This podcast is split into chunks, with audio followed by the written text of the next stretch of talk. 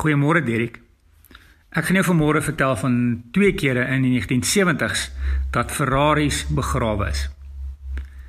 Die eerste storie is 'n storie van Sandra West. Nou Sandra West het in Amerika in Beverly Hills gebly en sy was 'n uh, jong dame wat met Elvis uitgegaan het en Frank Sinatra en onder, onder andere het sy uitgegaan met Saul West. En Saul West was 'n Texas oliemagnaat, maar Saul uh, het haar verneek met ander mans en sy was nie baie gelukkig nie.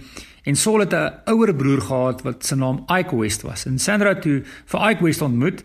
Maar Ike was die swart skaap van die familie. Hy het verdowingsmiddels gebruik. Hy was verslaaf aan verdowingsmiddels en die familie het hom basies verban. Uh, hy het in Mexiko gebly saam met sy leiwag en Sandra het toe besluit wel sy is lief vir Ike en sy wil hom help om om sy lewe om te draai. So sy het toe, toe reg gekry dat Ike verdowingsmiddels los, hy het sy lewe omgekeer en hulle twee is toe in 1964 getroud. Nou as trougeskenk het Ike vir Sandra 'n Ferrari America 330 gekoop. Dis 'n model 1964 model en daar's net 50 van daai Ferraris gemaak. Ongelukkig as gevolg van die jonger uh, lewe wat Ike gelei het en die baie verdowingsmiddels is hy net 4 jaar later in 1968 oorlede en Sandra erf toe sy gedeelte van die oliemaatskappy. Soos sy ouer geword het, het Sandra al meer en meer eksentriek geraak en sy was in haar later lewe bekend as die Texas Rodeo Queen en sy het oral rondgery in haar Ferrari met haar cowboy uitrusting. Sy was baie lief vir karre en behalwe vir die Ferrari wat sy gehad het, het sy ook twee ander Ferraris gehad, 'n 365 GT en 'n Ferrari Dino. In 1977 is Sandra oorlede en in in haar testament het Sandra gesê sy wil begrawe word in haar Ferrari uh, America 330 langs haar man Ike. En uh, die sitplek moet uh, baie gemaklik teruggeleen wees. Die familie was glad nie beïndruk met Sandra se versoek nie en hulle het toe besluit om howe toe te gaan en die regter het gesê wel uh, alles het 'n uh, baie snaakse versoek was dit Sandra se versoek so die familie moet dit uitvoer. So Sandra is toe begrawe in haar Ferrari, my sitplek teruggestel. Uh die Ferrari was toegemaak in 'n kus en die kus was daarna weer toegemaak in beton sodat natuurlik niemand die Ferrari kan steel nie. So vandag nog is daar mense wat Sandra West se uh laaste rusplek besoek. Natuurlik jy gaan nie die Ferrari kan sien nie, maar net uh waar sy begrawe is. Die tweede storie speel af minder as 'n jaar later in ook in Los Angeles. En hoe dit begin is uh, twee jong kindertjies speel agter in hulle erf in die huis en hulle grawe in die grond en soos hulle grawe kry hulle matte en hulle kry iets hards en hulle ontdek toe dat dit die dak van 'n kar is. Uh, op daai stadium was twee polisieoffisiere baie naby, Joe Sabas en Dennis Carroll en uh, hulle roep toe die polisie en die polisie ehm um, stop toe nou hulle speel en hulle polisie begin verder grawe aan die voertuig om om die voertuig uit te kry. Uh die area word uh, afgekordon. Uh men hulle kry toe nou hierdie Ferrari wat begrawe is en die Ferrari was toegemaak met matte en plastiek. Dit is 'n Ferrari Dino 246 GTS, ook 'n baie skaars Ferrari. Die polisie kry niks in die kar nie, geen verdowingsmiddels nie, geen tasse geld of lyke nie. So daar's niks verdag nie, behalwe natuurlik wat verdag is is dat 'n Ferrari begrawe is en niemand weet enigsins iets van die voertuig nie.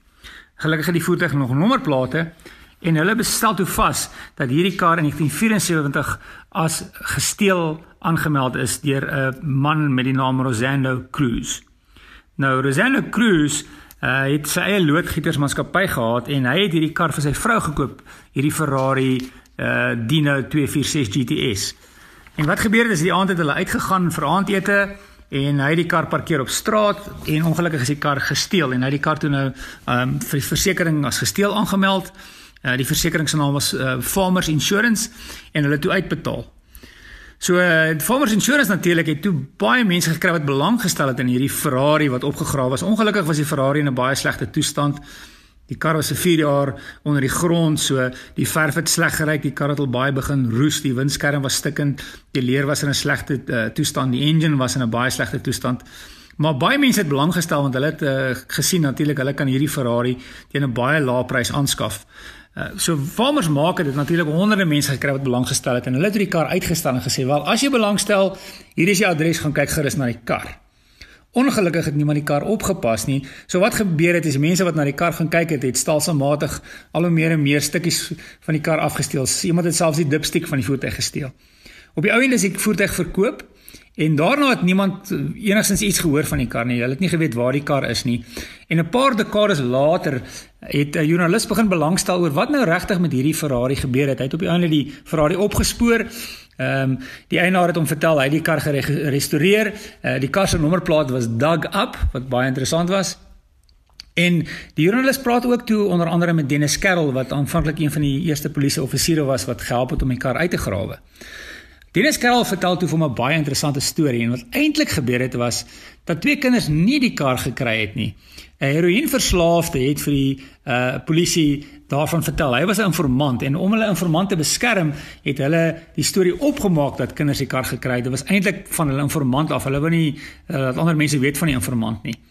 Wat nog meer interessant was, dat dat die polisie het ook op die einde uitgevind dat Rosando Cruz self het die kar laat steel want hy kon self nie meer die paemente van sy Ferrari bekostig nie. Ehm um, so wat hy gekry het is hy het persoonlik gekry om die kar te steel en die plan was aanvanklik dat hulle die parte sou van die kar af af, af steel en en of, of vat en verkoop en dan die kar die wrak ergens verbrand of in lam ry en die persoon het toe nou natuurlik besluit wel hulle gaan eerder die kar begrawe en moontlik in 'n paar jaar ehm um, weer opgrawe en probeer verkoop. En wat snaaks genoeg is is dat Rosendo Cruz het nooit enigsins uh, aangekla van die diefstal van sy eie Ferrari nie.